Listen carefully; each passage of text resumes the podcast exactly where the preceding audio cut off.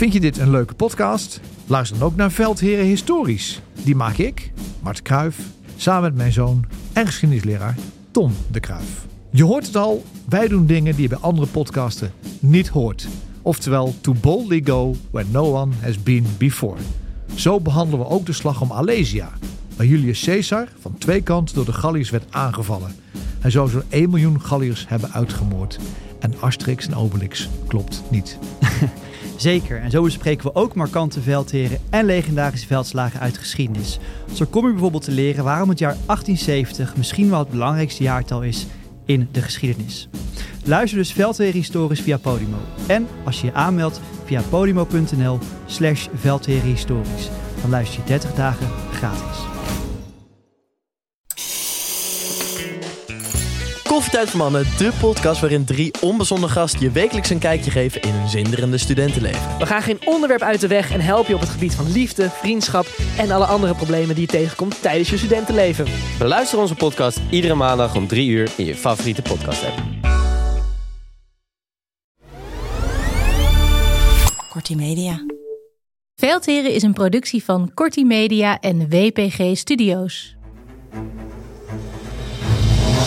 Oekraïne zet weer 100 stappen naar het zuiden. Kim Jong-un komt aan in Rusland en een opvallend bericht over de satellieten van Elon Musk. Hier in Nederland komen de Tweede Kamerverkiezingen dichterbij. Op 22 november gaan we naar de stembus. Veel politieke partijen presenteerden afgelopen week hun verkiezingsprogramma. Wat willen zij op het gebied van veiligheid en defensie? Dat bespreek ik uitgebreid met generaals buitendienst Peter van Um en Mart de Kruif. Mijn naam is Jos de Groot. Je luistert naar Veldheren. En luister vooral ook naar Veldheren Extra, onze wekelijkse extra aflevering waarin Peter en Mart nog veel meer vragen van luisteraars beantwoorden. Meld je aan via vriendvandeshow.nl slash veldheren. Bijna 800 luisteraars gingen je al voor. Nou, aan de hoeveelheid nieuwsberichten kun je in een week altijd een beetje voelen of er nou wezenlijke vorderingen zijn aan het front. Maar ik leer ook elke week van jullie, ja, er wordt elke dag gevochten. Er sterven elke dag mensen. Wat zien jullie op dit moment gebeuren? Nou, ik denk dat je het juist samenvat. Ehm, er is nog steeds beweging op het front. Uh, beide kanten claimen hier en daar uh, dat ze wat vooruitgang uh, boeken. En eh, ja, eigenlijk als je met, door je oogharen kijkt, is er aan het front qua locaties niet zoveel veranderd. Ehm, en je ziet daar waar we het al gewend zijn, bij Bakhmut en zuid van Zaporizhia zie je lichte vooruitgang voor de Oekraïners. Maar uh, zeker uh, in het uh, Donetsk-gebied zie je dat de Russen ook proberen toch wel weer te, tegengas te geven. Kijk, het interessante is dat we heel veel bewegingen van Russische reserves zien. Die gaan eigenlijk allemaal naar één kant op. Dat is Zaporizhia. Dus dat gaat wel consequenties hebben voor de rest van het front. Hoe, dat weten we nog niet. Hè. Er kan best een samenhang zitten tussen de vorderingen van het Oekraïns leger bij Bakhmut en het feit dat Russen gedwongen worden om hun uh, reserves elders in te zetten. Dus het is niet dat er niks gebeurt. Alleen de resultaten daarvan zien we nu nog niet. Maar er is wel degelijk wat aan de beurt. Anders ga je niet jouw reserves ga je overal weghalen en naar Zaporizhia sturen. En, en kun je iets zeggen over welke fase dat tegenoffensief van de Oekraïners zich nu in bevindt? Nou, ik zou het niet durven zeggen. We hebben eerder uh, melding gemaakt van het feit dat de Oekraïners zelf vinden dat ze de eerste lijn van, uh, van de Russische verdediging heen zijn. Uh, we hebben ook wel een Oekraïnse generaal gehoord die ja, iets zei over de effectiviteit van de tweede en de derde lijn. Um, je ziet dat ze nog in ieder geval heel veel moeite moeten doen, maar ook nu uh, vooruitgang te boeken. Ja, maar het had het over de Russische reserves. Uh, in Rusland is er toch wel een hoop te doen over gaan we wel of niet extra mobiliseren. Uh, dus ook dat uh, zal in de toekomst uh, een signaal zijn. En iedereen die in ieder geval dit volgt, zegt ook: uiteindelijk moet het een besluit van Poetin zijn. Of die het gaat doen bovenop de reguliere ja, opkomst van dienstplichtigen, die rond 1 oktober. Ja. En het werven bijvoorbeeld in Cuba. Hè? Ik bedoel, hij, ja. hij gebruikt alles, alles om uh, mensen te vinden. Ook om munitie te vinden. Hè? De, de, hele deal met Korea is natuurlijk voor omdat Korea 13.000 stukken artillerie heeft. Dus je hebben hele grote voorraden daarvan. En die wil hij gaan gebruiken in uh, de oorlog. Wat op zich best wel opvallend is. Hè? Want het feit dat Poetin aan Kim Jong-un wil moeten vragen of hij munitie wil leveren... is eigenlijk een beetje wat ik gisteren zei dat Ajax naar Volendam gaat om te kijken of daar nog een leuke speler rondloopt. Het is de om... Ja, maar de, de, de vraag is, uh, hoe spelen de Chinezen in dit spel mee? Mm -hmm. um, Want als de Chinezen eh, dit niet willen, dan gebeurt het volgens mij niet. Als de Chinezen hun ogen sluiten, dan gaat het gewoon door. Maar het kan ook zijn dat de Chinezen via de Noord-Koreaanse lijn dadelijk zelf spulletjes aan uh, Poetin gaan leveren. Dus ja, dat is wel iets om te volgen. Ja. Maar we gaan straks nog even over uh, Mark en Millie hebben. En dan kunnen we ook even vooruitkijken naar het offensief. Ja, um, een chef van het Amerikaanse leger uh, zei deze week... Oekraïne heeft nog 30 dagen voor het offensief. Daarna verhinderen de weersomstandigheden hun optreden. Eén, uh, heeft hij gelijk. En twee, ja, wat zou Oekraïne nog kunnen doen in die 30 dagen die hij noemt? Ja, kijk, in theorie speelt het weer natuurlijk een rol. Want als het weer slecht wordt, dan heb je minder daglicht. Dat is vervelend voor je optreden. Moet je s'nachts kunnen optreden. Dat is vaak ingewikkeld en intensiever. Je logistiek en name jouw bevoorradingslijnen worden gewoon moeilijker. Hè? Zeker als je door slechte paden moet om dingen naar voren te rijden en af te voeren.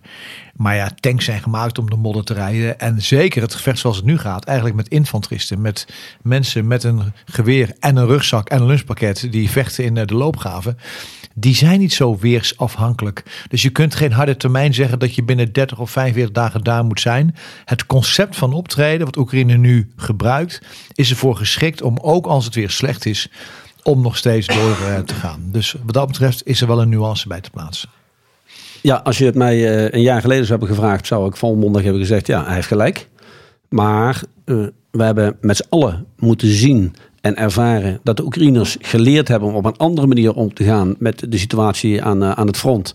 En dus met relatief kleine clubjes, soms 10, soms 30, soms 100 mensen naar voren gaan. vaak zonder voertuigen. En dat kun je natuurlijk ook onder wintersomstandigheden.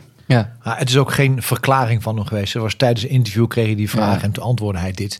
Dus ik wel een zeer ervaren commandant. Hij is commandant ja, ik nog, waarom zegt hij dat? Want dat is ook ja, hij is uh, commandant geweest van de Amerikaanse landmacht. Hè. Daar komt hij vandaan. Hij is onder Trump al commandant der strijdkrachten geweest. De, de Joint Chief of Staff. En dat is hij nu nog steeds onder Biden. Dus hij wordt echt vertrouwd. Anders zit je daar niet zo lang.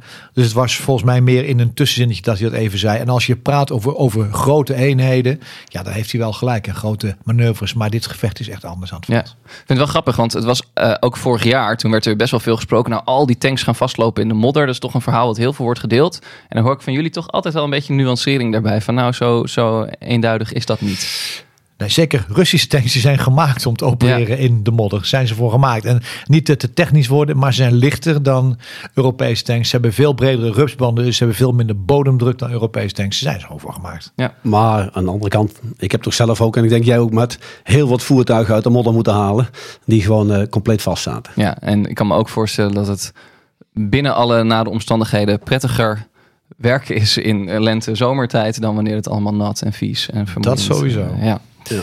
Uh, er kwam nog wel een uh, ander berichtje over als we toch in Amerika zitten. Ja. Uh, en dat is dat Amerika er bronnen zijn die zeggen dat Biden wel degelijk overweegt om langere afstandsraketten, ja. munitie voor de Attackams aan de Oekraïners te gaan leveren. en dat dat besluit redelijk nabij is. Ja, ze hebben, ze hebben die al met uh, uh, raketten die dus minder ver reiken. maar deze zouden dan tot zo'n 300 kilometer kunnen. Ja, en dan wordt het in de Krim nog penibeler. En natuurlijk zullen er dan afspraken gemaakt worden, niet op Russisch grondgebied, maar wel op de bezette gebieden. En ja, dat gaat de Oekraïners het nog makkelijker maken om de logistiek, de commandocentra, de defensieindustrie is, om die aan te pakken is eigenlijk een opvallend bericht. Want toen met die, uh, met die Duitse raketten ging het er natuurlijk om van... Hè, we gaan de software aanpassen, zodat ze niet zo heel ver ja. kunnen komen... of minder ver kunnen komen. Um, dat de Amerikanen nu toch deze nee, kijk, de switch maken. ATACM is een afkorting. Hè, zoals we alles afkorten staat voor Army Tactical Missile. Hebben ook ingezet in uh, Afghanistan uh, trouwens. Uh, het is een wapen wat met grote dracht, met zeer grote precisie kan werken. En een grote werking op het doel heeft. Dus als je ziet wat Oekraïne nu doet, vooral die logistieke lijnen in de diepte van de Russen consequent aanpakken, past dat helemaal in dat concept. Dat je dat gewoon nodig hebt. En, en je ziet dat beide partijen er dus alles aan doen om deze oorlog voor te zetten door de winter heen en volgende zomer. En Oekraïne zoekt die steun bij het Westen in kwaliteit vermiddelen, maar ook in kwantiteit. En je ziet dat ook uh, Poetin alles doet met zijn werving, met zijn mogelijke campagne om toch te mobiliseren, met zijn gesprekken met uh, Kim Jong-un, om ook die volgende fase in te gaan. Dat laat maar zien dat deze oorlog morgen niet afgelopen is. Hè? Iedereen verzamelt weer zijn stukken om te beginnen aan de volgende fase van deze oorlog. Ja, en, en in Zweden uh, is er nu gewoon openlijk gezegd dat ze gaan kijken of ze misschien toch grip, Gripen's vliegtuigen uh, voor de Oekraïners uh, kunnen leveren. Dus je ziet dat iedereen ermee bezig is. Ja. Uh, zeker is iedereen ermee bezig, want uh, Elon Musk was natuurlijk uh, uitgebreid in het nieuws deze week. Zijn biografie kwam uit. Um, daarin staat dat Musk persoonlijk ingreep om internet via zijn Starlink-satellietennetwerk uit te zetten om een Oekraïnse aanval op Russische schepen bij, bij de Krim te voorkomen. Maar later bleek dat het verzoek juist was om Starlink boven dat gebied aan te zetten vanuit de Oekraïners en dat Musk dat geweigerd zou hebben. Toch vreemd verhaal. Ja, ik heb het boek mogen lezen, het hoofdstuk waar het over gaat. En misschien goed om wat context te uh, schetsen. Aan het begin van de oorlog gooide Rusland gelijk het internet eruit in Oekraïne. Zodat ze eigenlijk geen verbindingen meer hadden.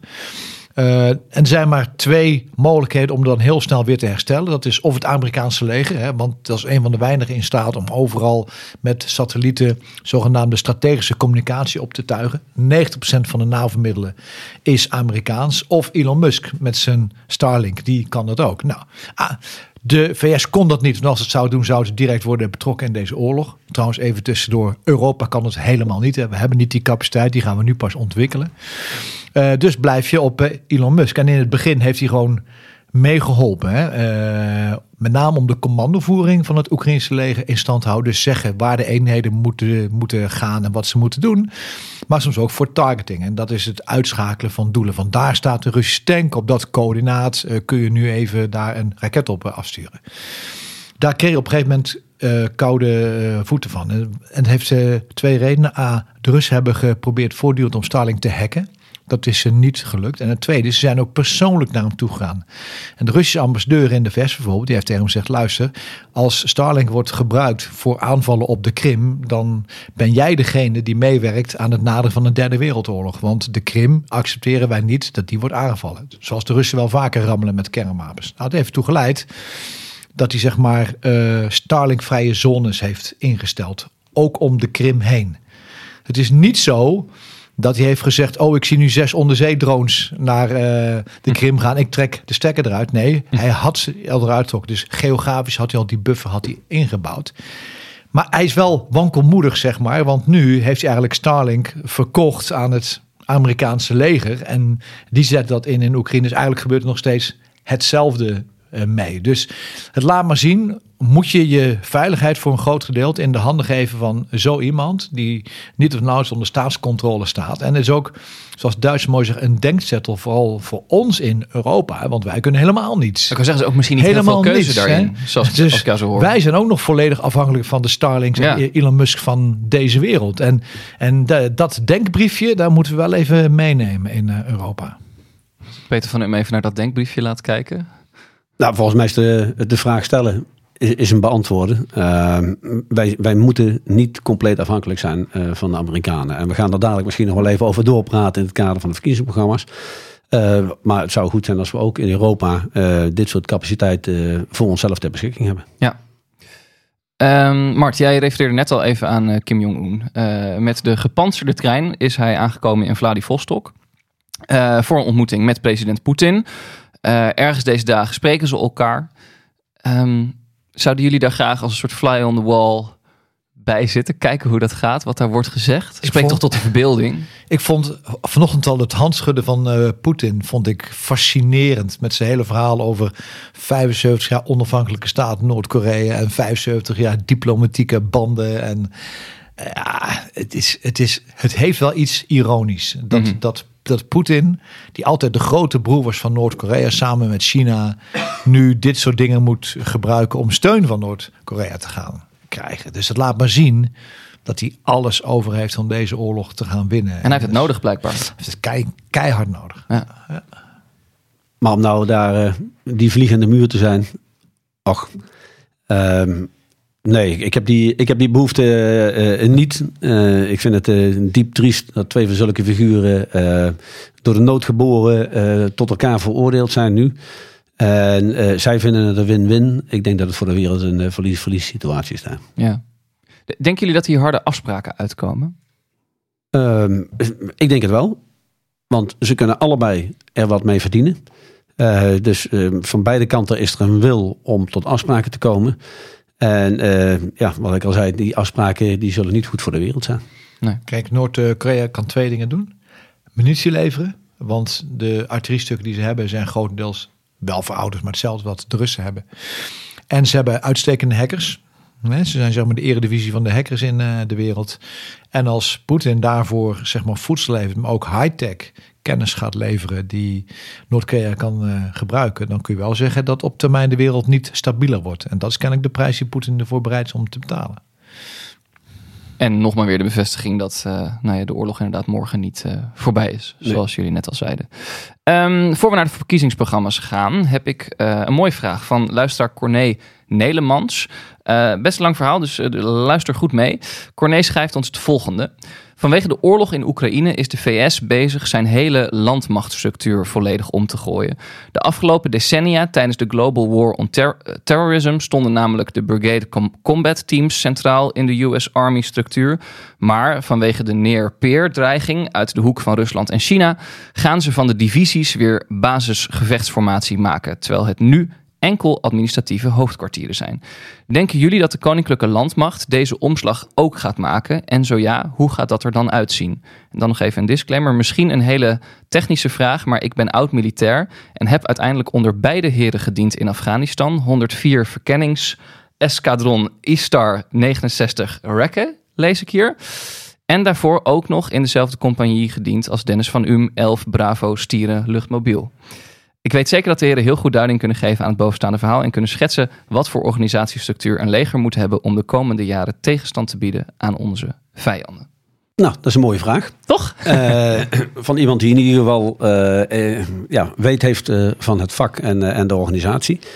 En uh, ja, simpel kan ik antwoorden. Uh, we gaan niet naar een uh, divisiestructuur in Nederland toe. Wat betekent dat eigenlijk? Ja, dat een divisie heeft meerdere gevechtseenheden onder zich. Dat zijn brigades en allerlei ondersteunende middelen.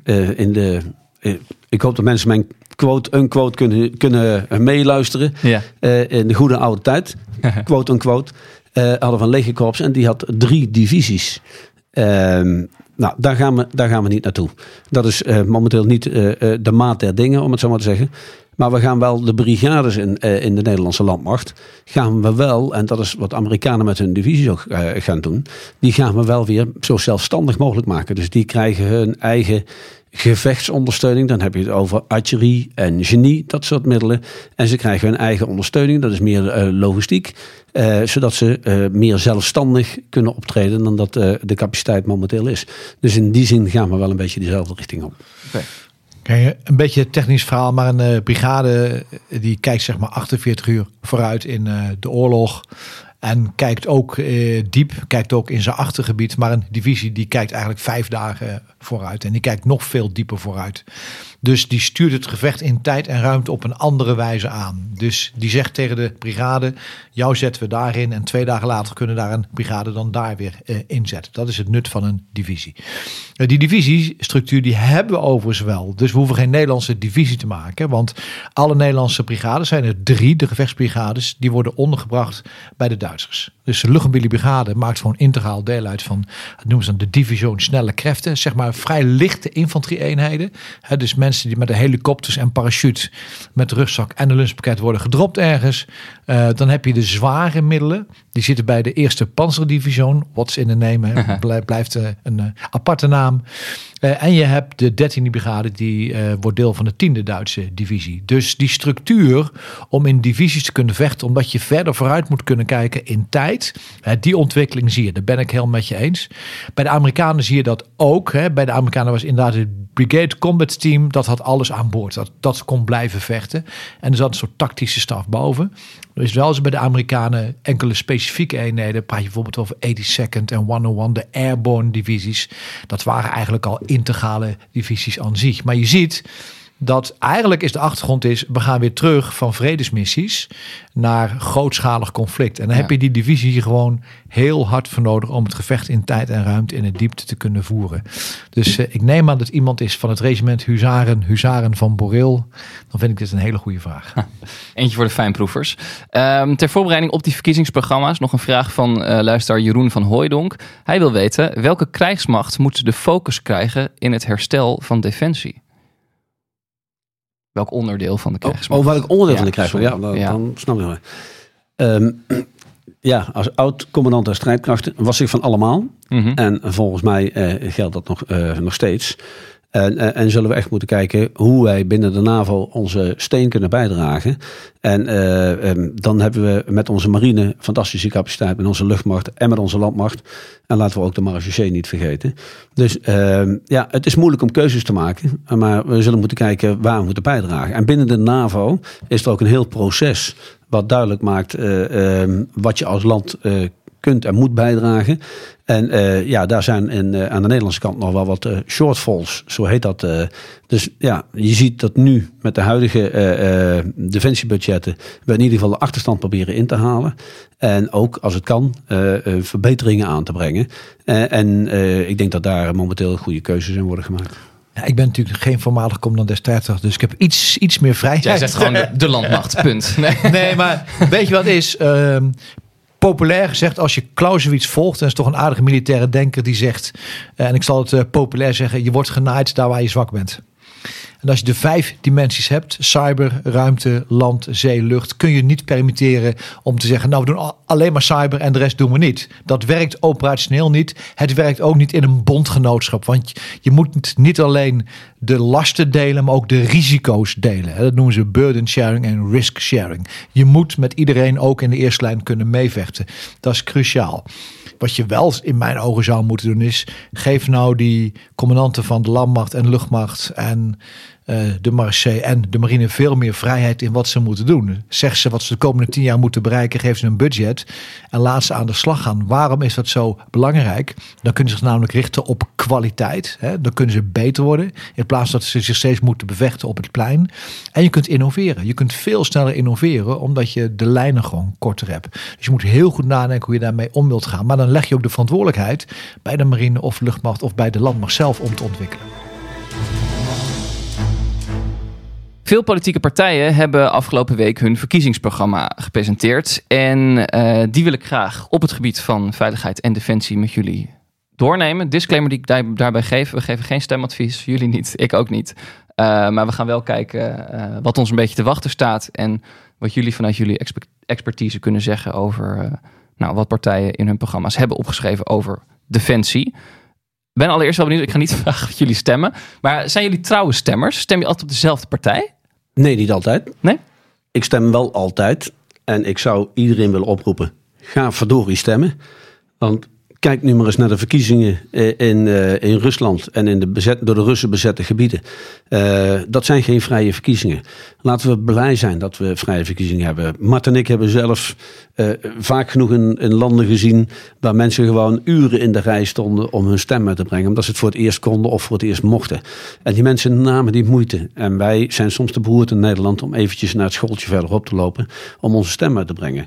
Maar daarna hebben we wel een mening en kunnen we ook heel goed, uh, nou ja, laat ik maar zeggen, kankeren bij tijd en wijlen. Mm. En dan denk ik van ja, als je niet gaat stemmen, dan wordt het langzamerhand ook tijd om maar beter je kop te houden. Ja. Ja, kijk. Ben je trouw, stemmer, Mart? Nee, ja, zeker, zeker. En mensen vragen wel eens van, ja, heeft bijvoorbeeld de missie in Afghanistan zin gehad? Terug naar uh, de verkiezingen. Ik heb erbij gestaan dat mensen 24 uur stonden te wachten ja. om te mogen stemmen. Zo drang naar vrijheid is daar. En dat vergeten wel eens. Dus wat er ook gebeurt, wat je stemt is een groot goed. Dat je zeg maar, een hele ruime keuze hebt aan wat je gaat stemmen, maar ga stemmen. Anders verlies je ook je recht. Ja, maar, maar, voordat we die, uh, naar die programma's gaan en, en, wat discussiepunten daarover, uh, zou, zou ik toch wel willen zeggen dat het wordt er niet makkelijker op voor de politici. Ja, de luisteraars hebben misschien meegekregen dat een aantal ambtenaren, topambtenaren bij elkaar gaan zijn gaan zitten. De studiegroep begrotingsruimte. En, die roepen dus, ja, volgende regering 17 miljard minder. Om maar eventjes simpel te zeggen. Dus de keuzes ja, worden nog nadrukkelijker en moeten nog nadrukkelijker genomen worden. En ja, ik heb al gezegd, politiek, hè, politici, dat is een verdraaid moeilijk vak. Want je vergelijkt onvergelijkbare grootheden. Want waar gaat die laatste euro? En of dat nou miljoenen is of één euro, dat doet er niet toe. Maar waar gaat die naartoe? Naar de zorg, naar het onderwijs, naar defensie, naar infrastructuur, noem het maar. Je bent dus voortdurend bezig uh, uh, geld te verdelen over dingen die je eigenlijk niet met elkaar kunt vergelijken. En, en, en keuzes te maken. Dus laten we ook een beetje respect hebben voor de mensen die in de politiek zitten. Het is maar gezegd. Mooi. Um, de, voor de administratie, um, even precies de partijen die we hebben doorgenomen deze week. Uh, omdat hun programma's er nu zijn. Dat zijn de VVD, CDA, SP, PvdA GroenLinks, Partij voor de Dieren, BBB en Volt. Daar zijn we mee bezig gegaan. Bijvoorbeeld de programma's van PVV, D66, ChristenUnie, FVD en de Partij van Omtzigt, Nieuw Sociaal Contract. Die zijn er nog niet. Dus nou, mocht dit nou bevallen, kunnen we het misschien nog een keer doen in aanloop naar de verkiezingen. Uh, misschien in hele algemene zin. Mart, wat is jou opgevallen? Ja, ik denk dat het mijn uh, beperking is. Maar volgens mij zijn er twee grote vragen die vandaag de dag spelen. En het eerste is hoe gaan we met klimaat om? En het tweede is hoe zorgen we dat we na 80 jaar vrede ook onze kinderen en kleinkinderen weer een veilige wereld kunnen bieden. En er speelt oorlog in Oekraïne een cruciale rol. Nou, die, die twee elementen staan zeker niet in balans in de verschillende verkiezings programma's. Je moet af, echt af en toe zoeken naar een defensieparagraaf, naar elementen over de oorlog in uh, Oekraïne. En, en dat voedt een beetje mijn angst dat we de oorlog in Oekraïne als een incident zien. En niet zien als iets wat fundamenteel is en waar lessen uitgeleerd moeten worden voor uh, de toekomst. Dus ja, uh, de minister-president die we nu hadden, die vond visie een, een raar woord. En dan moest je vooral naar... een olifant die het zicht belemmert. De oogarts, ja. ja echt veel visie in de partijprogramma's over dit soort veiligheidsvraagstukken die cruciaal zijn, ja, die heb ik niet uh, kunnen vinden. Dus dat is iets wat me opvalt. En een tweede waar ik altijd even naar kijk is, ja, de krijgsmacht heeft drie grondwettelijke taken. Hè. Dat is het bondgenootschappelijk verdediging, het is uitvoeren van missies om democratie te bevorderen en nationale taken. Ja, niet in elk partijprogramma staan die evenveel in evenwicht zijn die benoemd. En dat is, dat is erg, dat hoeft niet.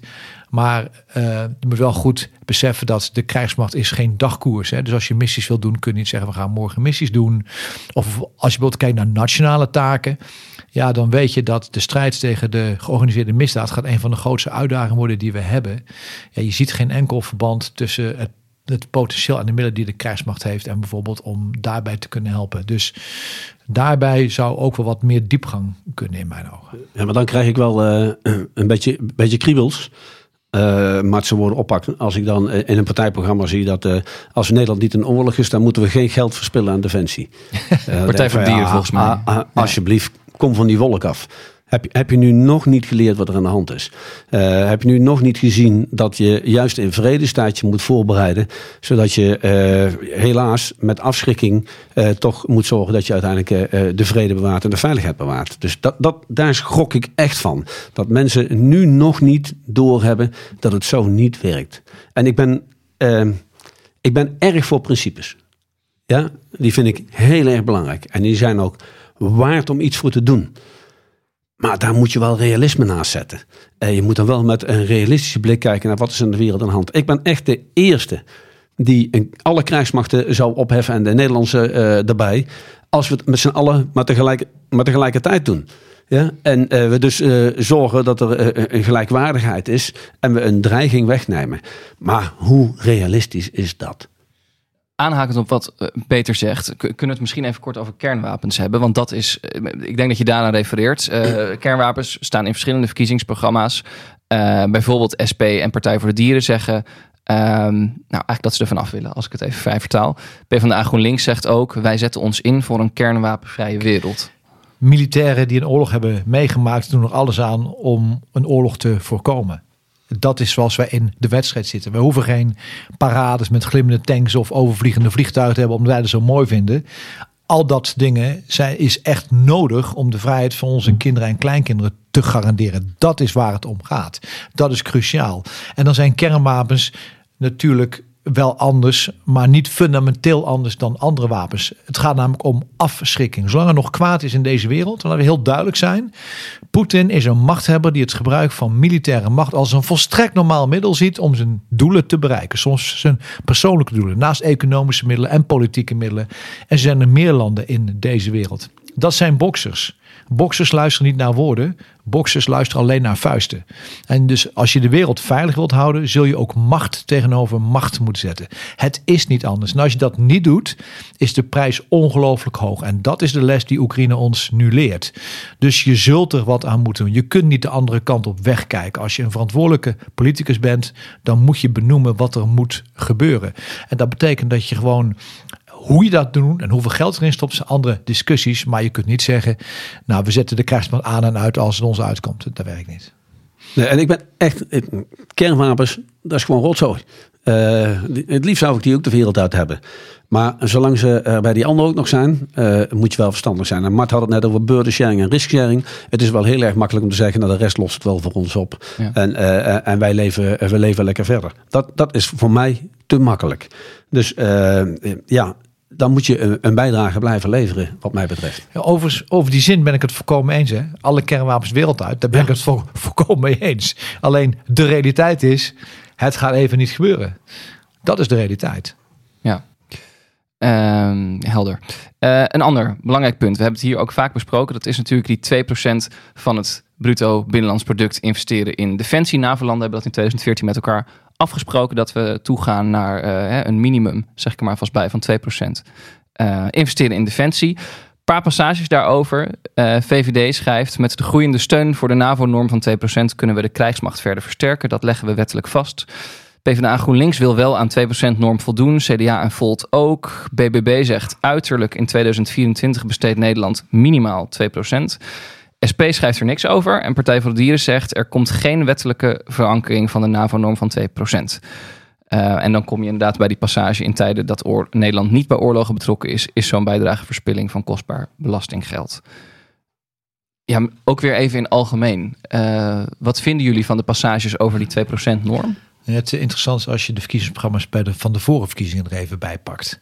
Dat heb ik ook gedaan. Dan zie je dat de toonzetting echt volkomen uh, anders is. Het is goed om het even te realiseren dat de gebeurtenissen in Oekraïne toch hebben geleid tot een volledig andere toonzetting als je praat Bij over veiligheid. Bij de meesten. Mm Bij de meesten.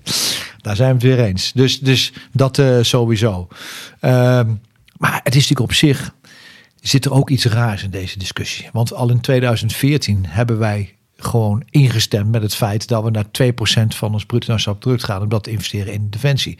Het feit dat we er nog steeds niet zijn op dit moment, of misschien dat we er dit jaar net aantikken als je alles bij elkaar telt.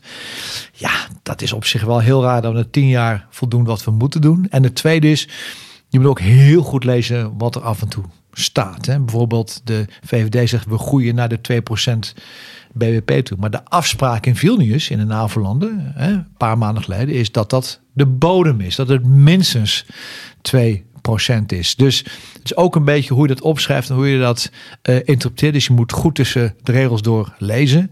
Op zich, ja, het is geen goed nieuws, want het is gebaseerd op een heel slecht iets. Maar je ziet wel dat bij heel veel partijen de realiteitszin is doorgedrongen. Dat je moet investeren in de defensie en dat we van heel veel moeten komen om weer een geloofwaardige krijgsmacht op te bouwen. Dat zie je eigenlijk wel met enkele uitzonderingen naar over de breedte terugkomen. Ik zou iets willen uitleggen. Ehm, je kunt een krijgsmacht, kun je niet reorganiseren, aansturen, eh, de bedrijfsvoering doen met alleen maar een korttermijnvisie, of je mag het lange termijn noemen, want voor politici is een lange termijn vier jaar na de volgende verkiezingen. Maar voor een krijgsmacht is dat een relatief korte termijn. Uh, de aanschaf van nieuw groot materieel, uh, zoals de F-36, daar gaan jaren overheen. Uh, dus je hebt gewoon een bepaalde zekerheid, financiële zekerheid ook nodig, om die organisatie gewoon goed te laten werken en goed neer te kunnen zetten. En dan, ja, ik zou het heel mooi vinden als politici intrinsiek gemotiveerd zijn om die 2% in ieder geval als bodem neer te zetten. Maar ik heb te vaak in mijn leven gezien uh, hoe politieke partijen bij de ene naar de andere verkiezing gewoon omdraaiden. Uh, of als er toch ergens weer bezuinigd moest worden, was het makkelijk om in de grabbelpot van Defensie gewoon weer geld weg te halen. Uh, dus ik heb te veel, Mart gebruikte dat woord geloof ik net, wankelmoedigheid gezien. waardoor mijn wens eigenlijk is van jongens, doe het nou gewoon uit overtuiging.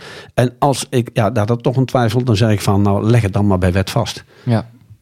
Ja, over, soms moet je heel goed lezen. En een, een voorbeeld uh, neemt, jij zei uh, de Partij van de Arbeid GroenLinks, die gaan voor 2%. Er staat inderdaad in een paragraaf dat ze vinden, um, daar hoort bij dat we extra defensie-investeringen doen en voldoen aan de NAVO van 2%.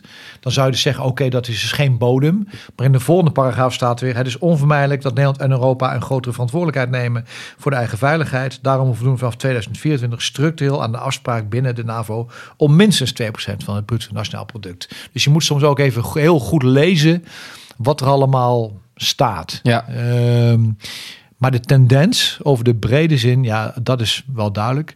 Maar het gaat wel heel veel over zeg maar, die eerste hoofdtaak. Die cruciaal is, was de hoeksteen van onze veiligheid.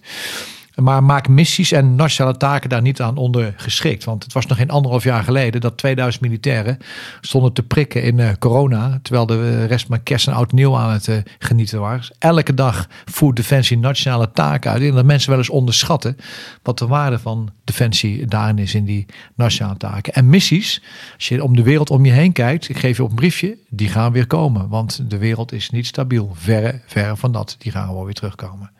Luisteraar Chef Vught vraagt ons: hoe belangrijk zijn de plannen? Is het niet de enige manier om wetmatig vast te leggen dat we ons aan het NAVO-percentage moeten houden? Afbreken van een wapensysteem gaat snel, maar opbouwen duurt weer jaren, gaven de heren zelf al eens aan. Moet de visie niet vier jaar overstijgen?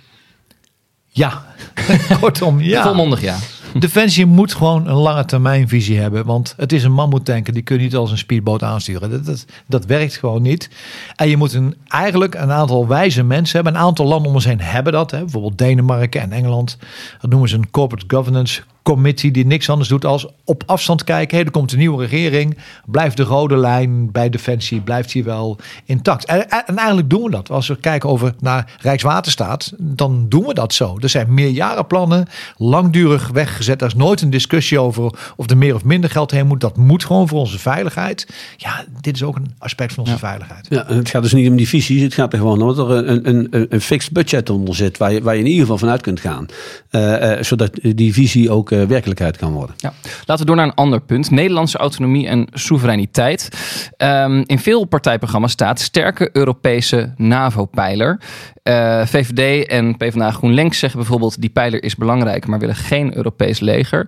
Volt zegt op weg naar een Europees leger nemen we de nodige tussenstappen. Als voorloper voor een volledig Europees leger wil Volt binnen de komende kabinetsperiode een Rapid Response Force, een legereenheid samengesteld door militairen uit verschillende landen die zo snel reageren tijdens crisissituaties.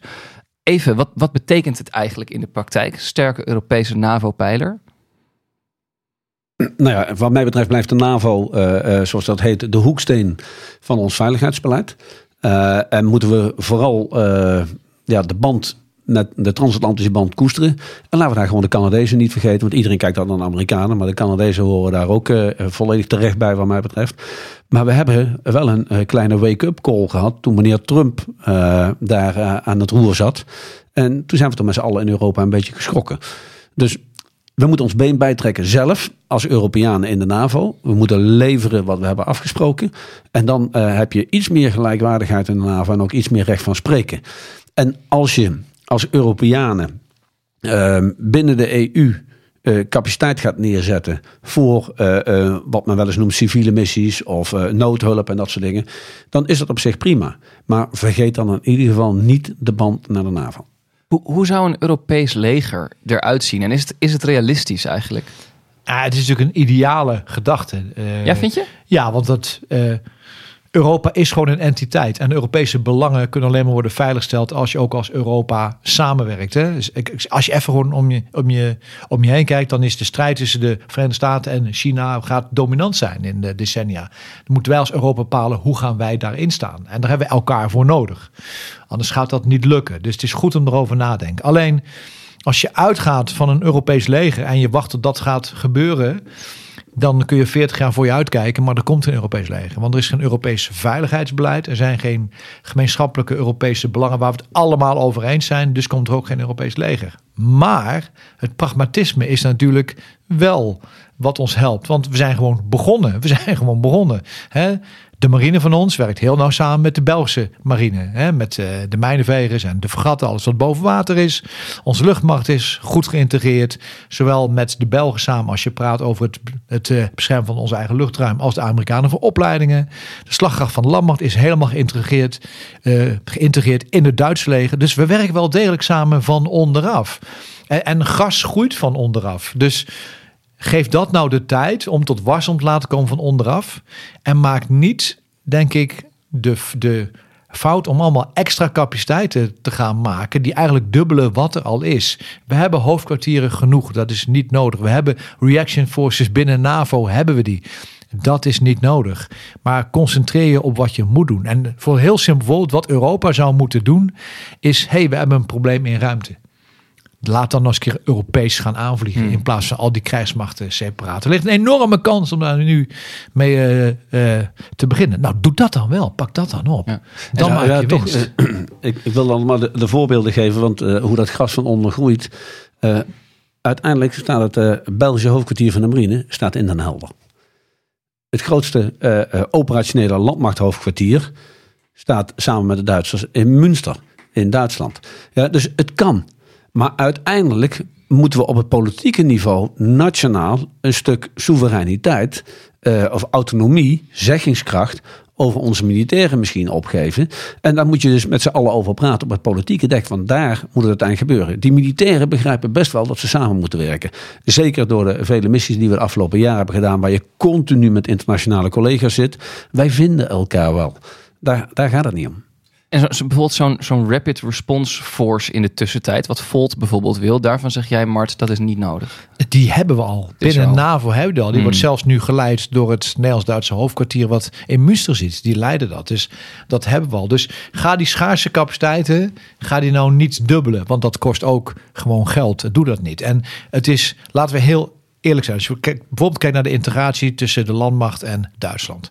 Er zijn geen wezenlijk andere veiligheidsbelangen tussen Nederland en Duitsland. Die zijn er gewoon niet. Daar moet je heel eerlijk over zijn. Dus moet je die stap ook durven zetten van we gaan het gewoon doen. Maar eigenlijk zijn wij al zo dicht bij elkaar. Alle, al wat wij doen en de Duits loopt eigenlijk al helemaal samen qua interesses en qua macht en qua denkbeelden. Dus pak daarop door. Ja, maar dan uh, even uitzoomend gaat het ook om de strategische autonomie van uiteindelijk Europa. Uh, en daar heb je dit soort reaction forces niet van nodig. Maar gaat het gewoon over uh, grondstoffen, economie, defensieindustrie. En, en, daar moeten we echt uh, een been bij trekken. En moeten we echt in Europa beter worden. Want ja, zoals ik al eerder zei, anders heb je ook eigenlijk geen zeggingsmacht in het internationale verkeer.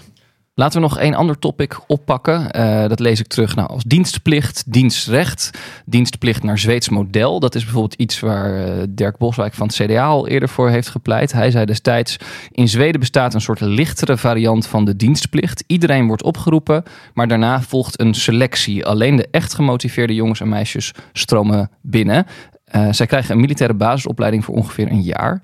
Um, Boer-burgerbeweging heeft bijvoorbeeld over een dienstrecht, zeg ik maar even. Alle 18-jarigen krijgen een vragenlijst thuisgestuurd, waarna geschikte kandidaten worden uitgenodigd voor keuring en opleiding. Na een dienstrechtjaar wil BBB dat Defensie vervolgstappen kan bieden voor een langere carrière binnen de organisatie.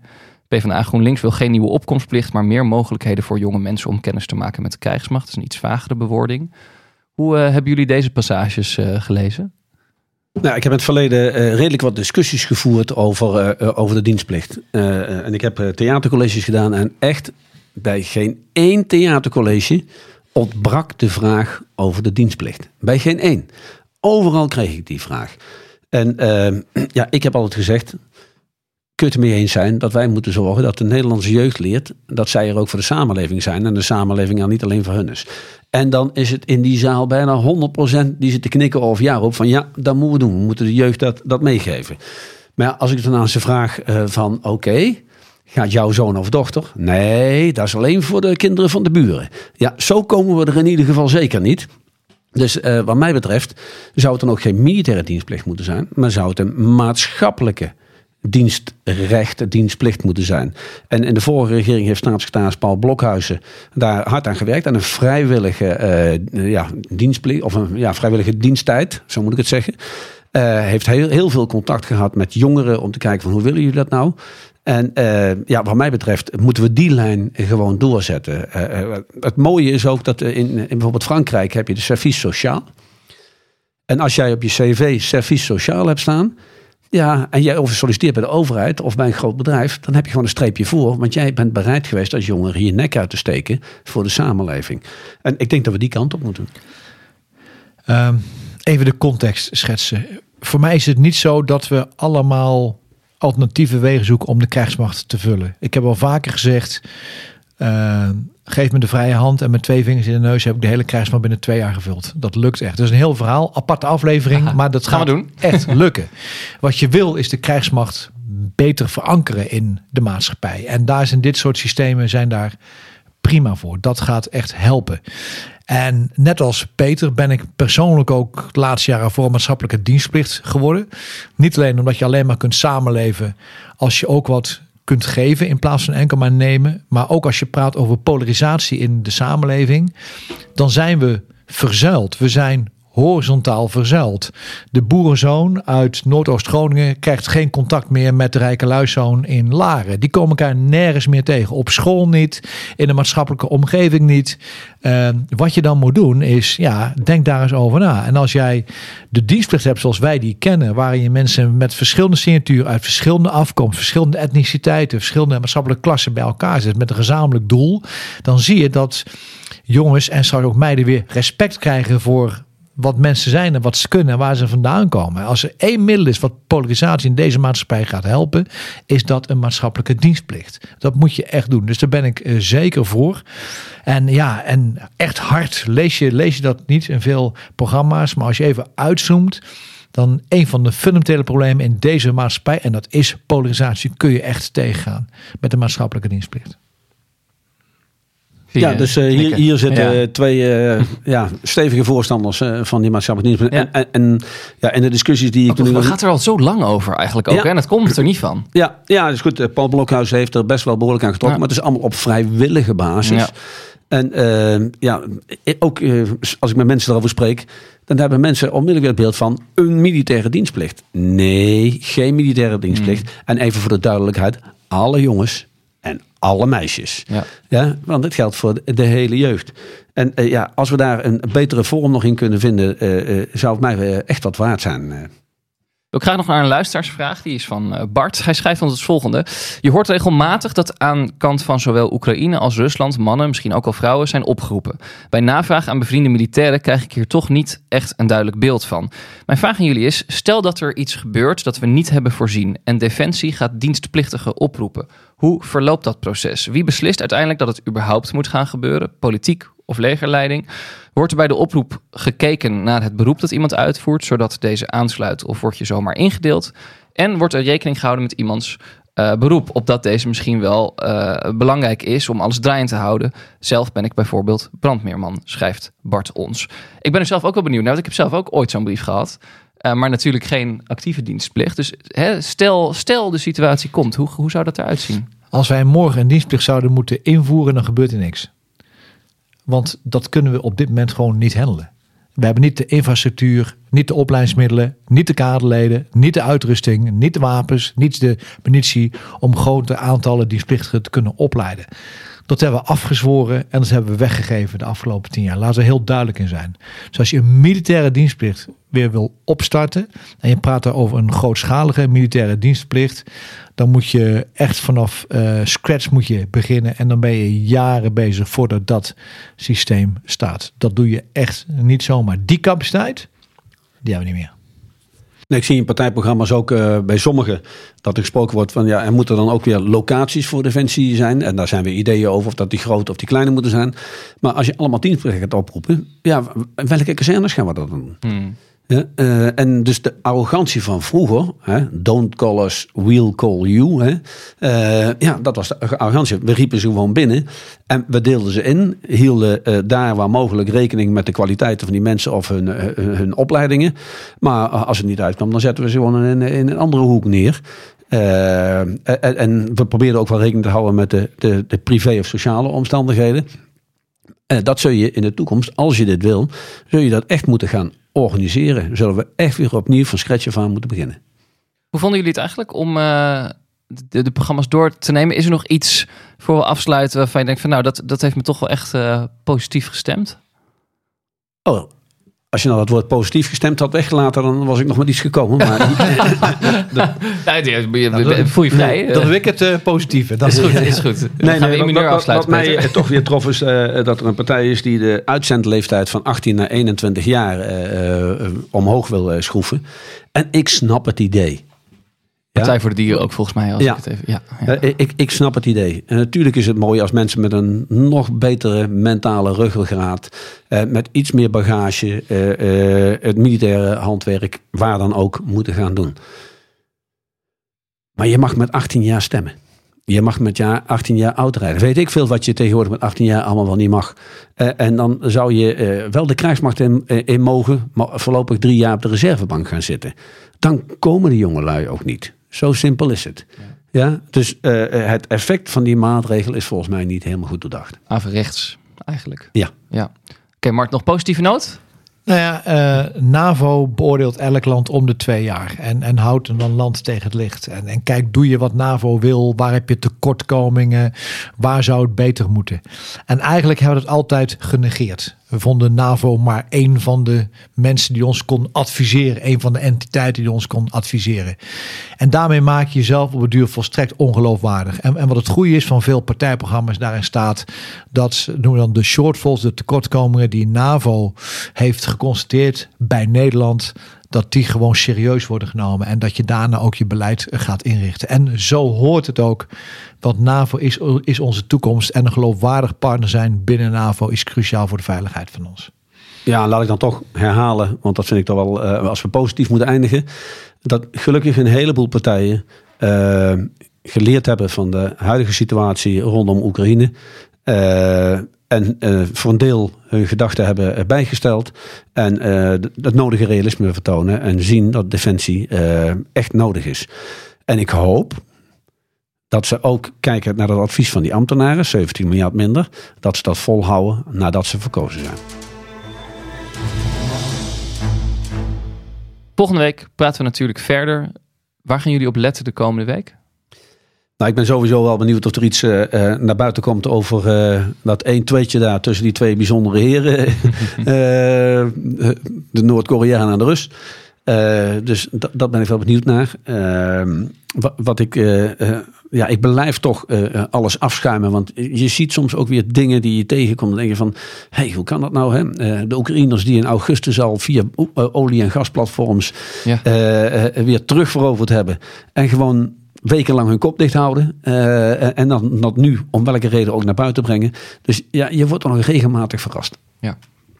Ja, ik ga sowieso even nog de partijprogramma's lezen die nog moeten komen. Ja, hè? Dus even ja en kijken. kunnen we ook zeker nog een keer, ja. als de verkiezingen nou, dichterbij komen, als de luisteraars dit uh, interessant vinden, nog een keer op terugkomen natuurlijk. Pakken we dat uh, even op. En ja, ik blijf toch even kijken van... Mijn onderbuikgevoel zegt dat er gewoon wat te gebeuren staat bij Zaporizhia daar. Als de Russen daar hun reserves inhalen, als Oekraïne daar hard vecht. Voor hetzelfde geld staan ze er over een maand nog. Dat kan. Voor hetzelfde geld is er over een week is er sprake. Niet alleen van een inbraak, maar ook van een doorbraak. We gaan het zien. Ik ga er niet aan houden, maar altijd als je dit soort opmerkingen maakt, dan gebeurt er iets. Kijk.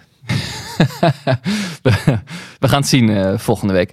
Je luisterde naar Veldheren. Mijn naam is Jos de Groot. Ik, uh, oh, ik sorry, sorry Jos, maar ja, ga je gang. Het, ik woord, afkondigen. het woord onderbuik van Mart na gisteravond heeft voor mij een hele andere... Uh, Mochten luisteraars de uitzending van Op 1 van gisteravond hebben gemist... warm aanbevolen, toch Mart? Uh, I rest my case. Dit was Veldheren voor deze week. Ik zeg nog een keer. Mijn naam is Jos de Groot. Naast mij zitten generaals buitendienst Peter van Um en Mart de Kuif. Wil je hen een vraag stellen? Mail ons dan. Veldheren.kortimedia.nl Of stuur je vraag in via X, het oude Twitter, of via Instagram. Bij Veldheren Extra gaan we nog even door en beantwoorden we meer vragen van luisteraars. Bijvoorbeeld die van Frank van Beek. Hij wil weten in hoeverre lopen wij Nederlanders risico als er bijvoorbeeld een akkoord komt waarbij Rusland een deel van Oekraïns grondgebied in handen houdt en zal houden. Waar zijn wij het beste mee af in termen van veiligheid? Een akkoord of een volledig vrij Oekraïne? Ben je benieuwd wat Mart en Peter daarover te zeggen hebben? Luister dan verder via vriendvandeshow.nl slash veldheren. Hopelijk zien we je daar. En sowieso hier, tot volgende week.